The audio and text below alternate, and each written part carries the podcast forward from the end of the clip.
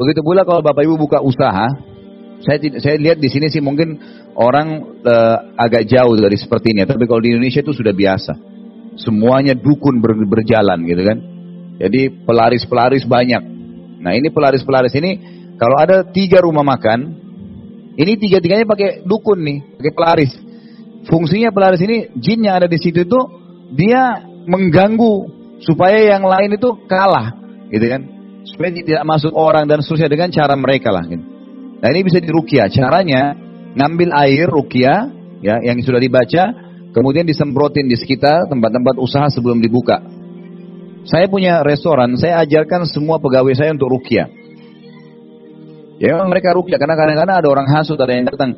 Karena saya pernah Bapak Ibu sekalian setelah dua tahun saya buka rumah makan di Kalibata, tidak sengaja saya datang malam subhanallah, mohon maaf bahasa saya ini, ada satu saudara kita, saudari kita dari kampung istri saya Jawa Tengah kerja di rumah gitu kan. Dia bantu di rumah, kemudian dia ikut. Ternyata anak ini pernah belajar ilmu tenaga dalam.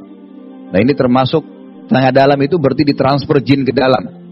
Jadi kalau Bapak Ibu pernah belajar tenaga dalam, jangan heran kalau bereaksi sebentar rukyah. Panas badannya itu karena memang waktu dimandikan, waktu ini itu berarti ada transfer, gitu kan? Bahasa bisa transfer tenaga dalam. Kalau tenaga dalam itu boleh, Nabi sudah pakai tenaga dalam kalahin semua orang Quraisy di perang Badar dan perang Uhud. Itu tidak ada pakai begitu-begitu dalam Islam.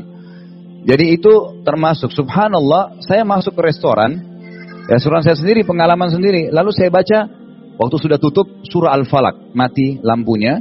Malam bisa jam 10 kita sudah tutup, saya baca surah Al-Falak dan An-Nas. Niat untuk merukia restoran saya. Begitu saja.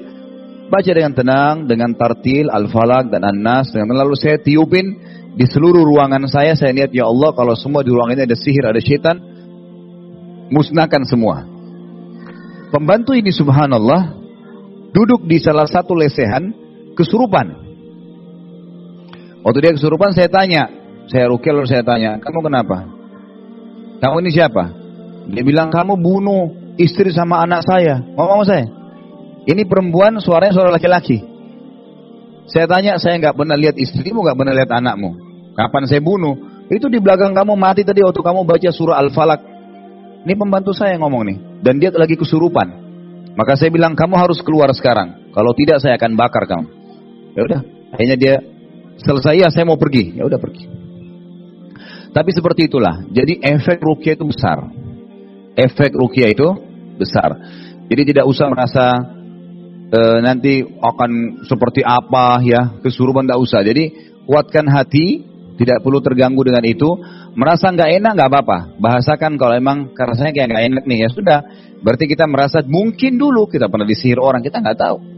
Mungkin kita pernah dulu pergi, Allah alam itu proses pembersihan, jadi biarin aja, gitu kan? Jelas sampai sini Bapak Ibu sekalian? Siap praktek?